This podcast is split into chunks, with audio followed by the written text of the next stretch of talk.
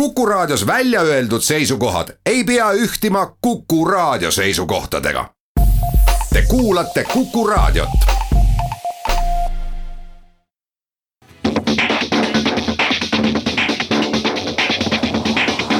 autotund.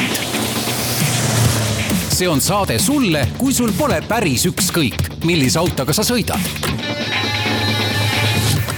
autotund algab jälle pihta neljateistkümnenda augusti saatega, mina olen saatejuht Ants Lõugas, minu kaassaatejuht on Tarmo Tähepõld. millest me tänases autotunnis räägime, sellest, et Eestis tehakse päris palju autost hädaabikõnesid, mitte mobiiltelefoniga, vaid auto helistab siis häirekeskusesse. hiinlased on oma väga raske rahakoti ulatanud järjekordsele Briti äh, legendile muidugi ei saa mööda sellest teemast, et meil on päris palju valges, sinises ja eravärvides autosid, mis mõõdavad äh, rikkumisi. kas seda on liiga palju või liiga vähe, arutame selle kohta.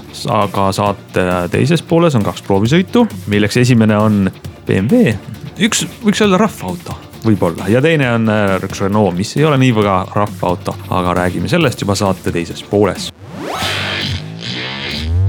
no nii, hakkame oma uudiste osaga peale, meil on täna peale minu ja Tarmo stuudios veel üks kolmas inimene külas, Kaur Ilves, tere Kaur. tervist. Kaur on siis hobi korras autofänn, võiks nii öelda. meile autokeenuse portaaliga teinud kaastöid ja proovisõite teinud, temaga saame arutada ka nii uudiseid kui, kui proovisõite.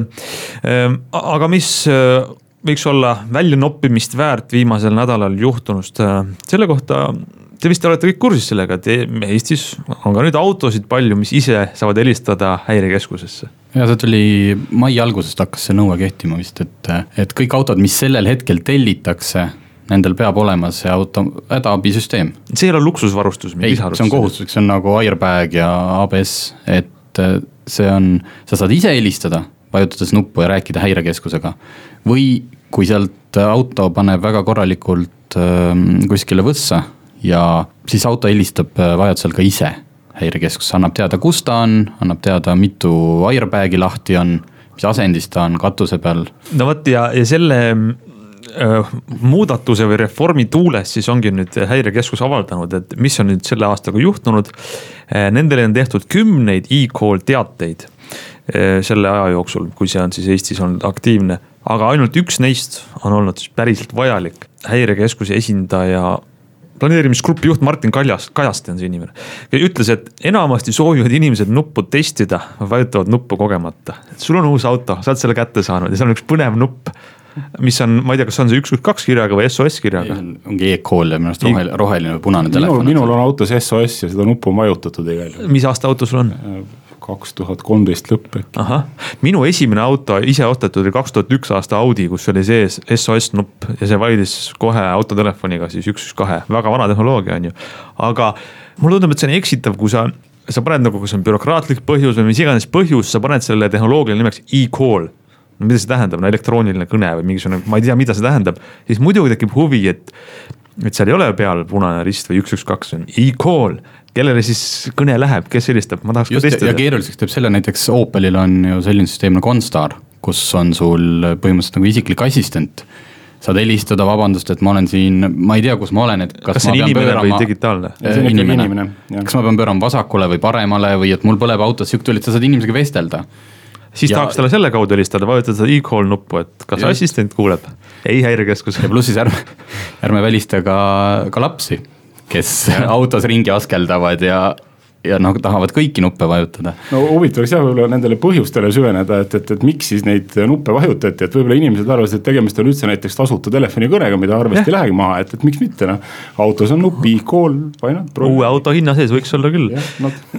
tegelikult tehnoloogia on ju hea, on ju, või noh, ütleme, eks ole kiiduväärt no,, vaja võib olla, aga haridust on rohkem vaja, äkki meie saade aitab ka natuke kaasa sellele, et kui te näete seda e-call nuppu või midagi nuppu, mis viitab sellele, et te saate otse helistada kuskile. seda tuleb vajutada siis, kui on vaja häirekeskusega ühendust. aga kas ma oleks, äh, praegult tulin selle peale, ei kontrollinud üle, kas see kõne mitte ei lähe esialgu, et see on kellelegi välja antud, kas ei olnud G4S-ile, et kõik need kõned minu teada ei ummista otse kohe häirekeskuse liini, mis peab äh, ju loodetavasti olema kogu aeg vaba ja kättesaadav kõigile aga no selles mõttes, kui, kui neid ütleb, on et neile tuleb otse see. Et võib-olla on see jällegi nagu OnStar või mõne selline tootja bränditud vahelahendus mm, Mhm. -hmm. et neil on siis erateenusepakkuja on vahel, kes aitab sind häda korral. samas see kümneid ei kõla ka muidugi väga palju, kui see süsteem on toiminud juba päris mitu kuud. ja ei ole tulnud ka aga mis see üks kõne oli, mis asja pärast oli? see üks kõne selle asja pärast ja see ei olnud ka Eesti juhid, kes siis on, on võimelised muidu helistama häirekeskusesse, vaid Venemaa Föderatsioonist tulnud sõiduauto, kes öösel kell kolm sai Võrumaal tal otsa kütus. ja inimestel ei olnud levi Eesti võrgus mingil põhjusel. Ja ei saanud sidevahend kasutada ja võtsid siis appi auto, kes suutis helistada ja kutsuda abi, et on külm, oleme näljas, märts on käes ja, ja tahaksime saada sooja ja siis me saadeti neile abi. no võib-olla üks asi, mida veel tuleks nagu välja öelda, et et e-kool võib ju kindlasti autos sees olla, aga, ärge usaldage ainult tehnoloogiat, et, et kui ikkagi auto on kraavi läinud ja keegi viga saanud, et, et ärge, ärge usaldage seda, et auto nüüd sellest teeb kõne, kutsub parameedikud kohale, võib-olla paneb lahase ka, et. et helistage ise alati igal juhul üle. Täpselt. räägime korra veel uudistest maailmas, mis on toimumas. Lootus on üks Loot- Briti lootusel on autotootja. lootust. lootusel on lootust, miks neil lootust on? Äh, lootus nüüd, nüüd see sõnamäng jätkub. lootuse seis ei olnudki nii lootusetu, aga hiinlased on äh, Geely siis firma, kes hiljuti omandas ka kümme protsenti Daimleri korporatsioonist. et äh, on tulnud nüüd ühe koma viie miljardilise rahapakiga lootuse ukse taha. mis selle lootuse probleem on, miks neil sihukest rahapakki vaja on, käib alla või? ei käi alla, tahavad linnamaasturit teha ai, muidugi, kes ei tahaks no.? Lootusel on plaan jah, ta on praegult ju ikkagi väga spetsiifiline autotootja, mis toodab põhimõtteliselt äh, hästi palju erinevaid versioone oma no peaaegu et ühest autost. ühest ja samast autost. mis on see väike? väike jah, Lotus Elise, Lotus Exige jah, et äh, hästi hea sõiduauto, kindlasti selline ringradadel käimine, sihuke terav, noh tõeline nagu sõitja rõõm. aga ilmselgelt sellega väga kaugele ei purjeta eriti mujal Euroopa turul ta ei ole, nagu meil siin Eestiski otse üle tee koos Lamborghiniga neid müüakse, aga Eesti noh, tänavatel sa vist näed isegi rohkem Lamborghinisid kui Lotuseid. pigem jah lootus on haruldane auto Just. Eestis, aga ometi on juba ammu tegelikult nad äh, hiinlaste omanduses et, et viiskümmend üks protsenti omab Geely sellest lootusest. ja, ja tahetakse ikkagi arendada, sest et mida nende markide puhul ju kindlasti ostetakse, ongi see, see bränd. et kui äh, hiinlastel on hästi raske tulla oma nende maasturitega, mis lähevad aina paremaks, aga ikkagi noh, tohutu vaev on tulla Euroopa turule, hakata müüma Hiina nimega või see on jah, see on jah, parim tõestus selle kohta, kui palju bränd loeb, on see, et mida hiinlased teevad, nad ei. Nad ei pane ju selle alla raha, et meil turundada oma Geely't ja, ja neid teisi, vaid. aga sa ostad lootuse, paned raha sisse, nad saavad valmis linnamaasturi, jätkavad sportauto tootmist ja loodetavasti läheb see kõik hästi. ajalooliselt on see ju Briti autofirma olnud, aga ma saan aru, et lootusel on ikkagi tehased ja, ja töö ikkagi Suurbritannias. ja, ja ikka põhiliselt UK-s, et, et noh, ma mõtlengi, et tegelikult see on natuke jälle selline eesmärk pühitseb abinõu lähenemine, et, et kui Lootus hakkab linnamaasturit tegema, siis tõenäoliselt siuksed tulihingelised Lootuse fännid esialgu elavad ennast foorumites välja, kes saab infarkti ja, ja kes ütle, üldse, üldse ütleb, et võib-olla ei osta kunagi enam Lootust endale. aga tegelikult on see pilet Lootusele, et ta saaks oma mudeli valikut oluliselt laiemaks ajada kui täna platvormid nõuavad investeeringut ja noh, praegu teeb seal tööd ju äh, Jean-Marc Calais, kes on selline noh, kõva saneerija olnud. peale seda siis äh, superstaar Danny Bahari, kes lubas välja tulla kümne uue mudeliga, põletas ära noh miljardites raha ja peale mida üldse nagu hiinlasi oli vaja, et, et, et lootus noh, nii-öelda ellu jätta lühidalt, mis te arvate, mis lootusest võiks saada? Eesti sellise autoturu tundja jaoks, kuhu ta võiks tunduselt jõuda, kas ta jõuab kuskil, ta on üsna väikses nišis praegu. ma arvan, et ta on selline Alfa Romeo tüüpi auto, et äh, fänn ostab ja, ja kui tuleb linnamaastur, siis ostab ka see, kes tahab erineda ja. et Eestis ta kindlasti mingit olulist tähtsust peale seda omama ei hakka, kui ka need linnamaasturid tulevad, aga valik suureneb. ja noh, nagu Porsche puhul oli näha, kui tuli Panamera ja Cayenne, samamoodi kõik nutsid aga nüüd on populaarsem mudel vist. sest et, sest kõik nägid, et üheksa üks üks tootmine jätkus ja, ja väga edukalt ja väga palju erinevaid mudeleid mm. -hmm ei no see on tõsi jah, et, et ega noh, nagu ma kirjutasin ka, et ega mulle linnamaasturid ei meeldi ühest küljest, aga, aga majanduslikult on neil väga-väga suur põhjus sees, et miks neid toodetakse. et noh, see aitab nii-öelda elujõulistel väikestel sportautodel püsida elujõulistena. et auto, autofännidel on natukene tihti raske mõista, et auto tootmine on äri et samamoodi, et kui sa noh, kui BMW teeb esiveolise mahtuniversaali, siis las ta teeb. kui nende majandusmehed arvutasid, noh majandusinimesed arvutasid välja, et see on vajalik, no las nad teevad, sa ära osta seda lihtsalt, aga ta võib ju seal olla ei, ma arvan, et see on hea uudis, et, et ja, ja tegelikult ma kujutan ette, et, et see lootuse nii-öelda kuvandile hoopis võib-olla väike linnamaastur elavdab seda ja võib-olla leiab lootus üles ka inimesi, kes varem ei ole noh lootusega mõelnud sõita. see lootus meil on. see lootus ja lähme siit väiksele pausile.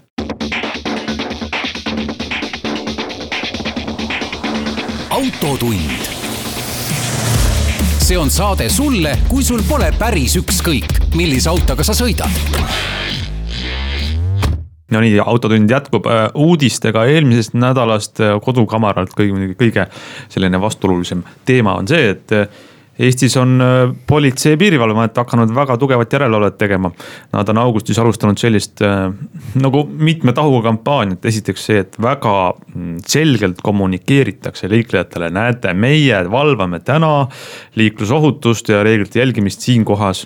Neid punkte on palju Äh, isegi kui sa ei jälgi meediat või sotsiaalmeediat, kus see politsei nende asju teatab, isegi siis sõites Eestis ringi on nagu väga palju rohkem märgata politseid, liikluspolitseid.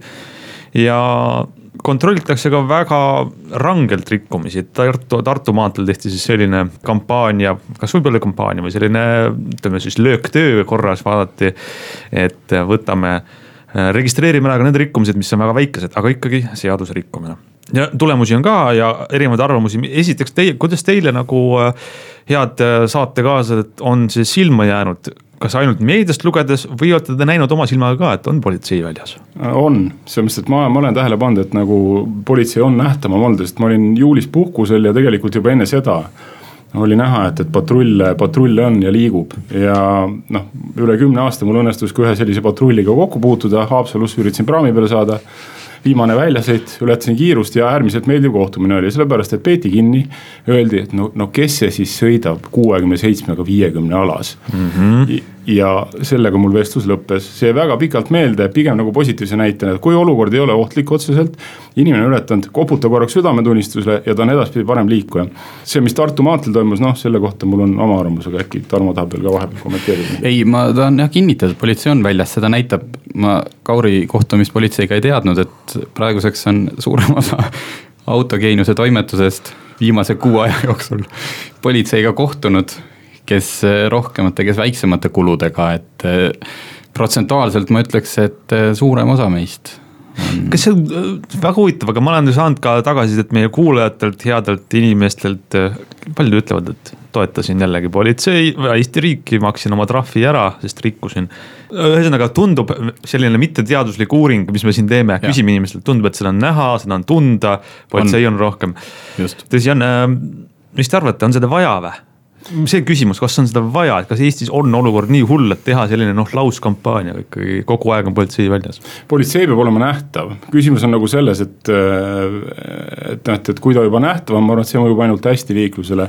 aga järgmine on see, et, et mida sa siis teed, kui sa nüüd Tartu maanteel noh, kaksteist tundi järjest mõõdad ja mis need esialgsed andmed olid, et neljapäeval võeti kinni siis kakskümmend kuus autojuhti või, oli ja. rohkem et eh, ehk siis see nagu keskmiselt tähendab eh, kaks autojuhti tunnis, teades seda liikluskoormust, tähendab seda, et, et sul on umbes noh, kah kahesaja auto kohta üks on siis see, kes on problemaatiline. et kas see tegelikult on probleem või see vastupidi näitab seda, et meil on tegelikult liiklusega kõik korras?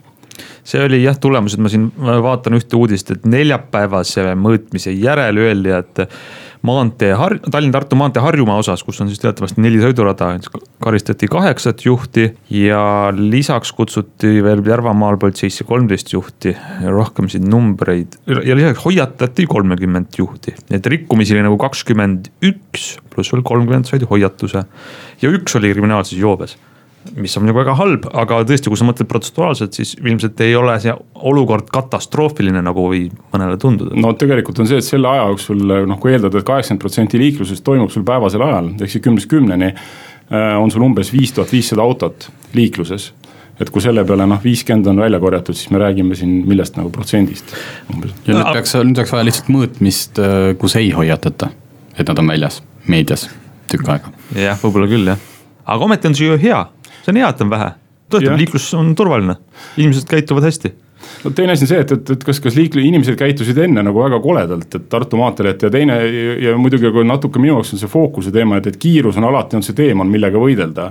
sellepärast, et äh, teda on lihtne mõõta teda on äh, raske vaidlustada ja sul on noh, konkreetne trahv on sellest ette nähtud. aga palju keerulisem on mõõta seda, et mida ma tegelikult tahaks teada, et, et kas, kui palju peeti kinni selliseid autojuhte, kes sõitsid näiteks seitsmekümne viie, kaheksakümnega, vedasid enda järel näiteks kümnest autokolonni. millest siis nagu kogu seltskond sada, kakssada autot tegid pärast ohtlikke möödasõite. seadus ei keela sõita aeglasemalt, aga seadus keelab takistada liiklust seadus keelab jah, tegelikult on õigus ja põhjus kutsuda politsei, kui on selline olukord. kus keegi sõidab aeglaselt ühe rajaga maanteel ja ei lase mööda teisi. no pigem on see, noh, ma kujutan ette, et väga halva, inimesed ei ole tegelikult pahatahtlikud, aga äkki on küsimus sellises jällegi heades tavades, et, et, et mina ütlesin ka, et täitsa okei okay on, sest kui tahad sõida aeglasemalt, ma ise sõidan ka vahel aeglasemalt. aga siis on see, et, et siis ma jälgin, mis selja taga toimub, kümme autot on sabas noh, ma tõmban kõrvale, nii palju ikka ruumi leiad, tõmbad korraks nagu kõrvale, kasvõi isegi peatan auto kinni, ma sõitsin käruga maale, vaatasin, kolm autot on taga, tee on kitsas, no mis ma teen, tõmbasin tee peale, lasin need mööda. vot see on see, millest sa räägid, on nüüd ähm, üks asi, mis liiklusreegel, liiklusseaduses on sõna-sõnalt kirjas, aga teine on see, kuidas on hea tava liikluses käituda. ja, ja seda kohtab tihti ka seal, kus on ruumi ehk neljarealisel maanteel, inimesed sõidavad vasakus reas on ju. kes tuleb Saksamaalt oma autoga Eestisse, see ei jõua ära imestada, et mis toimub, et äh, kui sa vähegi oled läänes sõitnud kiirteel, siis sa tead, et sa ei, sa ei jää kunagi sinna vasakule mine kohe paremale tagasi, kui on vaba maa. Eestis sellega liikluskasvatust nagu ei ole. jah, ja noh, ma natuke uurisin seda liikluskasvatuse teemat ka, et, et on olemas igasugused kõlavad programmid, mida siis nii-öelda maanteeamet peab vedama, strateegilised arengukavad ja kõik see aga kui vaadata, mida autokoolid õpetavad, et siis ikkagi valdavalt ju keskendutakse sellele, et, et, et millised on reeglid ja kuidas õpetada õpilane niimoodi sõita, et riiklikul eksamil läbi saaks et aga miks mitte võtta programmi natuke ka häid kirjutamata tavasid liikluses, liikluskultuuri, selles mõttes, et, et, et noh. näiteks see, et, et, et on okei okay, nagu lasta inimesed vahepeal mööda, on okei okay, inimesi tänada, kes siis tänab siis ma ei tea, ohutulede paar vilgutust, kes annab sellest uuesti märku nagu korraks vilgutades kaugtulesid. sellised kirjutamata head reeglid või no samamoodi nagu see, et kui sõidad maanteel väljas. noh, see teine rida on tegelikult selleks, et sa sõidad seal kiiremini mm. -hmm Indrek Madar on siin ka kommenteeris seda olukorda, et rikkumine on rikkumine, seda tuleb karistada, aga see ei pea tihti olema alati trahv, et võiks mõelda ka teisi meetodeid, näiteks saata inimene koolitusele, no ole, teeme äh, nii-öelda lahti ütluse, kõik saaks aru, muidugi Indrek Madar on autokooli ise autosõitjuhatuse liige ja autokooli juht, temal noh ma saan aru tema taustamõtet, aga sellel on ka sisuline täitsa iva olemas, et sa ei valida saad, et, et sa ei võta seda trahvi, vaid sa käid näiteks. tema pakkus, et lähed mõndasse kaubanduskeskuse parklas asuvasse simulaatorisse, kus näidatakse, mis sinuga juhtub, kui sa oled rohkem äh, pilguga telefonis kui teel äh, ja kuidas su reageerimisaeg on. kasutada selliseid pehmeid meetodeid inimeste harimiseks, sa saad valida, et kui sa nüüd äh, trahvi asemel võta koolitus, käi mingi järel, järelkoolitusel mingisugusel harimisel, siis sa ei pea maksma trahvi, see võiks olla hea. no just jah, et selle, selle kampaania puhul nagu Kaur ütles, et fookus oli kiirus, kiirus, kiirus.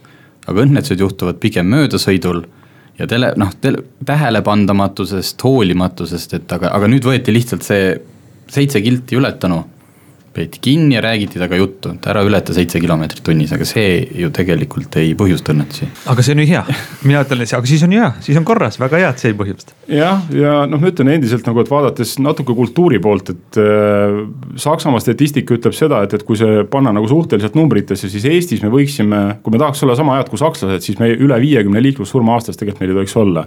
number viiskümmend on meil juba käes ja meil on tegelikult noh, peaaegu pool aastat minna et äh, ja kui öelda nüüd seda, et, et, et kiirus on see, mis selle põhjustab, siis see ei saa ju olla tõsi, sest Saksamaal jah, ilmselgelt sõidetakse väga palju kiiremini.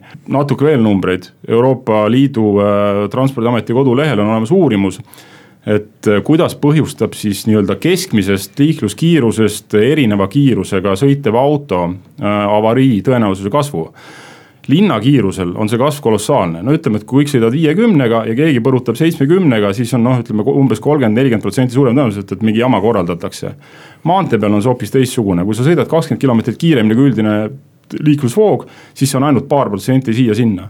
mis tähendab, tegelikult peaks, peaks ju andma politseile selge sõnumi tegele kiirusega linnas, tegele kiirusega seal, kus inimesed, jalgratturid, lapsed, emad lastekärudega võivad autoga pihta saada mitte Tallinn-Tartu maanteel, kus tegelikult enamus hoogu sõidab normaalse kiirusega. ja see on ka palju mõtteainet selleks teemaks, meie aeg on uudistes läbi saanud, aga teema on selline meil juurde, tuleme veel kindlasti tagasi, lähme siit pausile.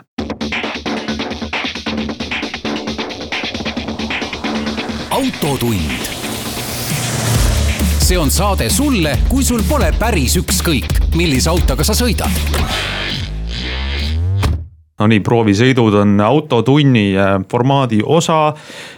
me käime, proovime uuemaid, põnevamaid sõidukeid ka tavalisemaid, sellepärast et autotund on mõeldud ka nendele, kes keeravad rooli ja, ja ei, ei ole tingimata autosportlased, autofännid, aga tahavad, kellel päris ükskõik ka ei ole, millega sõidavad.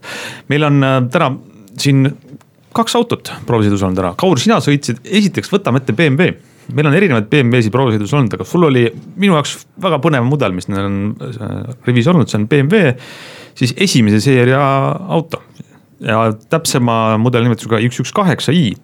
kas sellest tuli välja uus mudel? tegelikult peab ütlema, et, et sellest äh, ei ole väljas veel uut mudelit, kuigi äh, nii-öelda esimene seeria kaks aastat tagasi läbis siis mudeli uuenduse ja ma küsisin ka seda BMW-st, et kas on plaanis midagi, et noh, nad, nad ei täpsustanud. no kindlasti on sellest tulemas välja, välja uus mudel, sellepärast et noh, kui vaadata Euroopa statistikat, siis äh, ta on noh, selgelt populaarne auto nii-öelda kompaktsete luukpärade osas aga autost endast, et, et miks ma üldse sellise auto võtsin või miks, miks ma olen praegu sõitnud selliste autodega autogeeniuse jaoks, mida ma edasi kavatsen sõita, on see, et, et äh, mulle meeldib see filosoofia, et, et, et auto ei pea olema tingimata, ta, ta ei peaks olema liiga suur. temaga võiks olla lõbus sõita, ta ei pea olema tingimata ka väga võimas aga ta peaks olema selline, et, et sa istud sisse, see on hommikul nagu surakas espressot, et, et annab sulle selle hea tuju. sõidad tööle, sul on hea olla, sa ei, sa ei löö naabri kassi ja noh, sa oled üldse muidu parem inimene. väga hea, ma jagan seda filosoofiat täpselt nii kassi osas kui ka selles, et väiksed autod on äh, väga lahedad, mõni, mitte alati kõigeks, aga väga paljuski ja, ja kui nad on piisavalt surakad, siis on ja see esimese seeria BMW, kes nüüd äh, võib-olla midagi ei tea BMW-dest, sest see on nende mitte kõige väiksem üldse vist äh, aga no ikkagi või on kõige väiksem üldse. kõige väiksem, sealt edasi on juba Z-Roadsterid ja.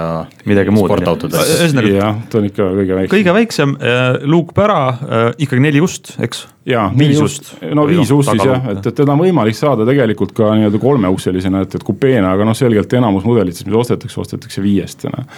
ja, ja kellele ta mõeldud on, sihuke väike linnaauto või, kas sinna mahub neli inimest sisse reaalselt? vot see oli hea küsimus, sellepärast et kui esimene seeria kõigepealt välja tuli, et, et ma nagu lühidalt selgitasin ka, et, et, ta on, ta on uks BMW tagajuhtivate autode maailma. Ja, ja no ütleme kuni aastani kaks tuhat üksteist oli selleks ukseks nii-öelda kolmas seeria, aga kolmas seeria oli ikkagi piisavalt kallis, et, et paljud ei saanud endale seda lubada siis toodi välja esimene seeria, äh, mis äh, ei näinud, ütleme esimese versioonis just nagu kõige atraktiivsem välja ja lisaks tal ei olnud tegelikult tagajalga, jalgeruumi, et see oli auto nagu kahele inimesele. Noh, nüüd on seda parandatud, et kui ma enda järgi istme sättisin, noh ligi meeter üheksakümmend, siis tagaistmel on võimalik istuda, ütleme neli inimest saab temaga sõidetud. aga kindlasti mitte väga pikki distantse, aga samal ajal noh, kui sul on kaks last ja pere, on ta täitsa nagu mõistlik auto selleks, et, et ka veel asjad sisse pakkida, minna kuskil linnast välja mm. -hmm. ja, ja samal ajal linnas on, on ta sellepärast hea, et, et äh, ta on väike, ta on vilgas, teda on lihtne parkida. Äh, tal on äh, hea mootor, kuigi noh, ma, ma lootsin nagu mootorit saada veidi suuremale testisõiduks, mida loomulikult neil ei olnud. aga siis ma proovisin ära, kolmesilindriline, sada nelikümmend hobujõudu peaaegu väga hästi saab hakkama, noh, ütleme automaatkastiga, et, et toimetab sujuvalt. kütusekulu on ka täitsa mõistlik, et, et ma, ma ei näe põhjust, et miks peaks seda autot tingimata ostma diislina et kuigi ma tean, et eestlastel on selline diislihullus, et, et, et siis äh, pigem noh, mõelda selle peale, et ta käivitub talvel suvalise temperatuuriga. sul ei ole diisliga seotud probleeme ja, ja liigub väga hästi edasi. kas seda nüüd Eestis, seda väikest esimese seeria masinat on saataval, igas valikus on sul seal bensiin, diisel tagavedu, nelikvedu? Äh, nelikveolisena seda autot ei saa, seda saab ikkagi tagaveolisena kui ma nüüd just nagu väga räigelt ei eksi, et aga, aga on olemas jah, suur valik bensiinimootoreid ja suur valik äh, diiselmootoreid, aga noh, põhiline on selle auto juures ikkagi see. et kui sa oled siiamaani varem sõitnud esirattaveolistega, sa istud korra sinna sisse sa teed esimesed kakssada meetrit ära, võtad paar kurvi, vot siis sa saad aru, miks tegelikult on tagavedu õige. kas sa saad, see on väga põnev koht meie autotunni saate ajaloos, kas me saame raadiokuulajale sõnadega läbi raadioeetri seda tunnet kirjeldada või mis see on teistmoodi, kui autol mitte libeda peal, mitte lumes kuskil, vaid tavaliselt no ütleme sportlikumalt sõites tagavedu, mis teeb teistmoodi? ta teeb teistmoodi, et, et äh, hoiad roolist kõvemini kinni ja, ja see esimene hetk nüüd, kui sa hakkad kurvis näiteks kõvasti gaasi andma, siis on selge, et, et esivedu paneb esiratastele lisakoormuse, tunned seda, kuidas sul rool hakkab sul käes nagu natukene rabelema. ei ole midagi päris õiget, et see, see roolitunnetus ei ole sul lihtsalt puhas tagaratteveo on see, et, et kui sa keerad sinna kurvi sisse, siis on see esiots on täiesti puhas igast segavast faktorist, see on nagu kaardiga sõitmine, kaardil ka tagarattad teevad, esirattad roolivad. sõnades on seda raske edasi anda, minge proovige. jah, lihtsalt. kuskil ohutus kohas esiveolisel peavad esirattad tegema kahte asja korraga, pöörama ja vedama ja üks, üks kahest peab lõpuks võitma, et ta ei muidugi on hästi, hästi häid tänapäeval äh, juba Teisalt, elektroonikat, süsteemi, mis muudkui seda vähendab. aga noh, multitasking. aga see muidugi ei tähenda tegelikult seda jälle, et, et ei, ei ole olemas väga ägedaid esirattaveolisi autosid ka ja noh, tänapäeval tegelikult õige oleks öelda, et, et, et väga halba autot üldse ei ole tegelikult olemas, et me räägime mingitest nüanssidest võib-olla siit. kas me räägime ühest väga heast esi, esiveolisest võib-olla mõne minuti pärast teise proovisõiduna. aga see BMW ähm,, mis ta siis ikkagi on, sa ütlesid, sinu jutu järgi kõlab ta piisavalt suur, et sinna mahub kogu pere juba ära ka, tagavedu on ka mõnus äh,. kust tal siis puudujääk tekib, mis, kas ta on ikkagi väiksus on või, või milleks, millest ta nagu ei, enam ei, ei vea välja? No tegelikult jah, oleme ausad, et kui sul on pere ja kaks ikkagi sellist juba teismelist last, et, et siis ta on natuke väike selle jaoks. et, et kui on kasvavad lapsed, et, et, et siis, siis ta on okei okay., ta oleks hea. noh, pakun, kui sa valid endale näiteks mingit luupera, siis mine proovi seda. et kui niikuinii on agendas osta endale, kas ma ei tea, siin Golf või mõni Seati mudel või Škoda noh, kui on seda raha rohkem ja tahad teada, mida tegelikult tagarattavedu teha võib, siis mine katseta, vaata, kuidas see sulle sobib, et, et ja no loomulikult on see, et, et ergonoomika, et kui noh, mõnes autos on nii, et, et sa ei, sa ei leia mitte kunagi üles, mida mingi nupp teeb või mida, kus ta on, et, et siis BMW-s on need asjad kindlalt, ütleme generatsioonide kaupa juba väga hästi paigas, et, et. ma võtsin huvi pärast lahti ka hinnakirja, vaatasin ja tõesti, et see see on vist kõige soodsam hinnaga, millega uue BMW kätte saab, et siin hakkab äh, kõige nõrgema mootoriga üks, üks kuus on siis seal on mudel on alla kolmekümne tuhande, kakskümmend seitse tuhat nelisada eurot on selle VM. mis on muidugi väikeste luukparade maailmas kallis, on ju. ta on väga kallis tegelikult, ma olen nõus sellega. et aga noh, samal ajal on see, et, et kui panna sinna kõrvale nüüd äh, nagu see sportlikkuse aspekt, et, et, et siis äh, ei ole selles, selles autoklassis ei ole ühtegi tagarattaveolist autot, punkt. nii lihtne see ongi kui sa ütlesid äh, selle saatelõigu alguses, et, et võib-olla on oodata mudeli uuendust sellele kas sa nägid ise sõites ka, et mida, mida nagu võiks, mida võiks kaasajastada, mida, mille järgi oleks puudus, tunded puudust? No tegelikult äh, jah, et mu ajalugu lähebki väga palju tagasi ainult tagarattaveoliste autodega ja, ja, ja ma olin natuke üllatunud, et see roolitunnetus võiks olla nagu törts puhtam aga noh, see on selline noh, see on nagu natuke sihuke veini degusteerimine, et, et, et juba läheb jutt selliseks, et. et kes ei ole kunagi varem tagarattaveos sõitnud, et, et see on, see on lihtsalt suurepärane auto, aga, aga noh, natuke roolitunnetus. ja teine asi, mida oleks veel tahtnud, et, et ta oli, ta oli üllatavalt mugav oma standardvedrustusega. aga samal ajal jälle piisavalt sportlik, et, et, et sa saad, kui sul tekib see tunne, pere ei ole peal, siis sa võid teda loopida nagu kaltsunukku mm -hmm. nagu kuskil teede vahel ringi. et võib-olla oleks natuke veel isegi nagu tahtnud esiotsa konkreetsust juurde saada, aga see on jällegi sihuke nagu veini degusteerimine, et, et muidu täiesti super masin. selge, äh, see oli siis proovisõit BMW äh, esimese seeria üks, üks kaheksa täpselt öeldes mudeliga. Äh, aga me teeme siit väikse pausi ja siis räägime ühest sõidukist veel.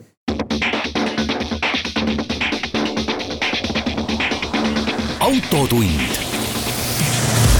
See on saade sulle, kui sul pole päris ükskõik, millise autoga sa sõidad. no nii, autotund jätkub, me teine sõiduk tänases saates, oli prooviks, on üks Renault ja Renault võib-olla ei, ei tekita esmapilgul äh, tavalises autojuhis seda tunnet, et tegu võiks olla äh, väga sportliku autoga. pigem selline usaldusväärne, mõistlik, hea valik, tuttav, suur Euroopa tootja. sina käisid sõitmas uue Renault Meganiga jah, Meganiga, aga peab täpsustama, et, et see ei olnud nagu päris tavaline Megane, et ta oli äh, Megani kõige sportlikum mudel, Megane RS. Ähm, see on siis samuti neljaukseline, praktiline, sportlik luukpära äh, mis on. see on nüüd uus, väga, väga uus. see on uus, see on värske, see on kaks tuhat kaheksateist aasta mudel, neljas generatsioon, generatsioon RS-idest. Äh, ja esimest korda, kui fookusesse on pandud, ütleme lisaks puhtale teravale sportlikkusele ka igapäevane praktilisus ja kasutatavusmugavus.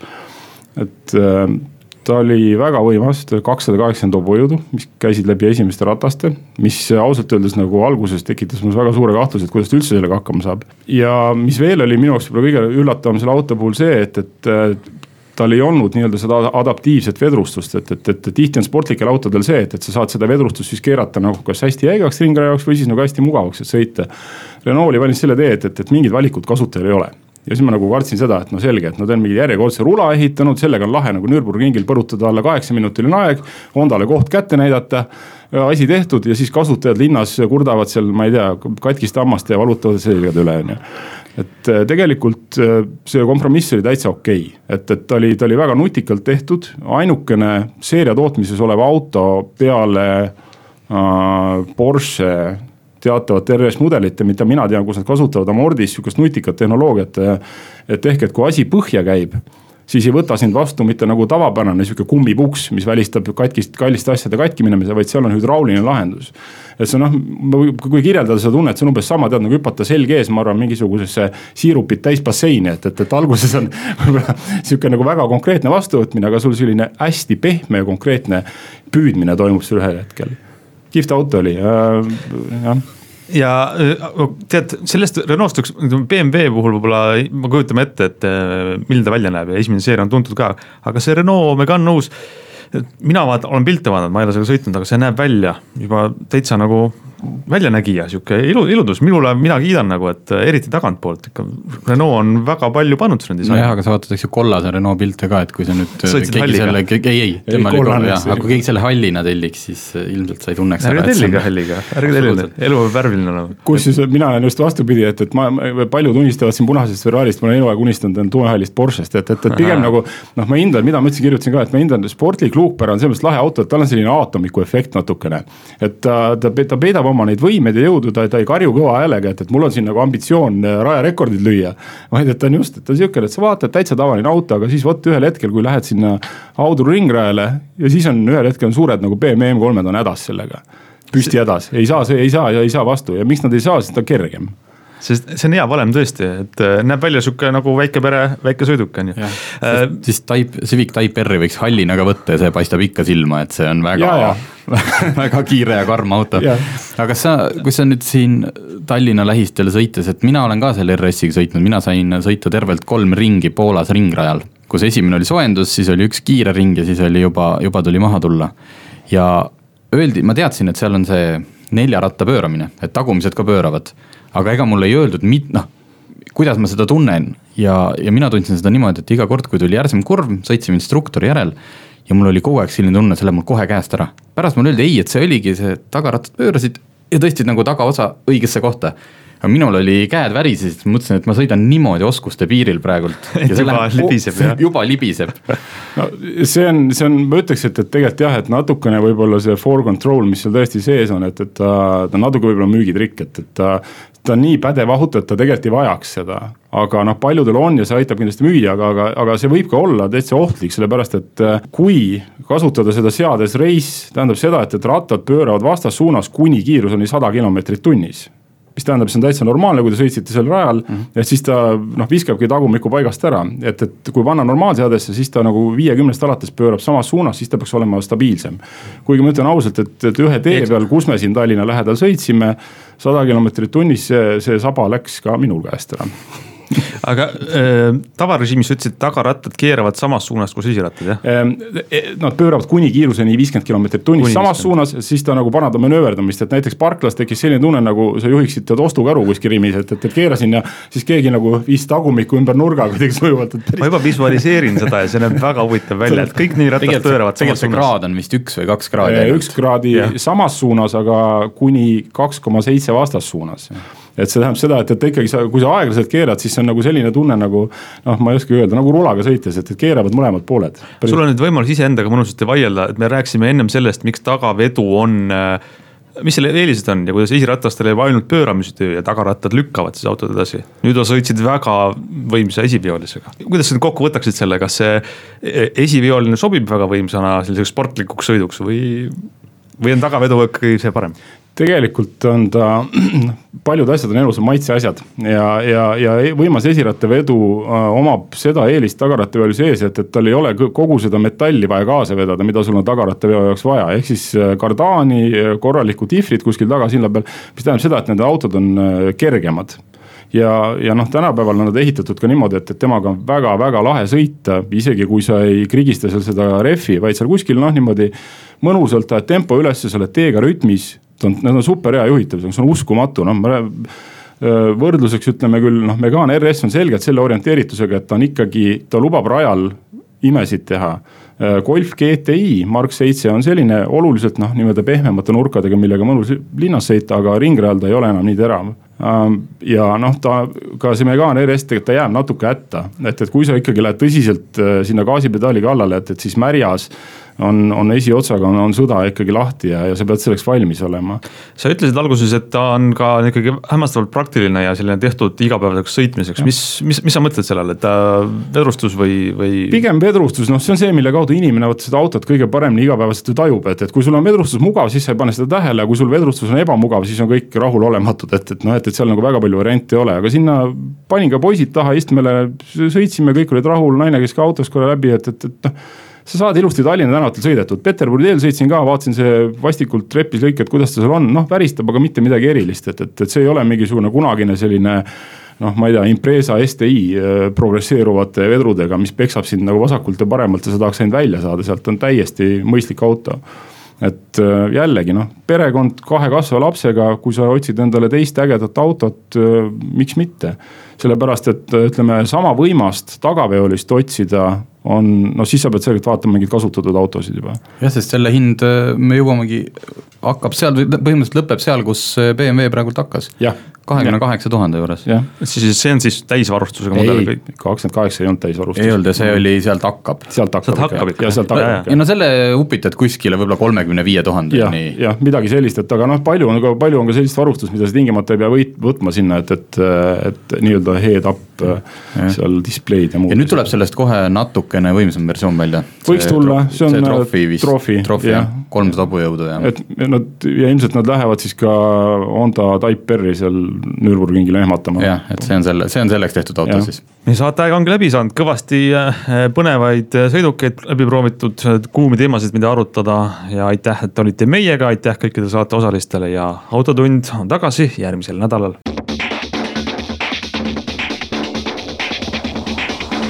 autotund.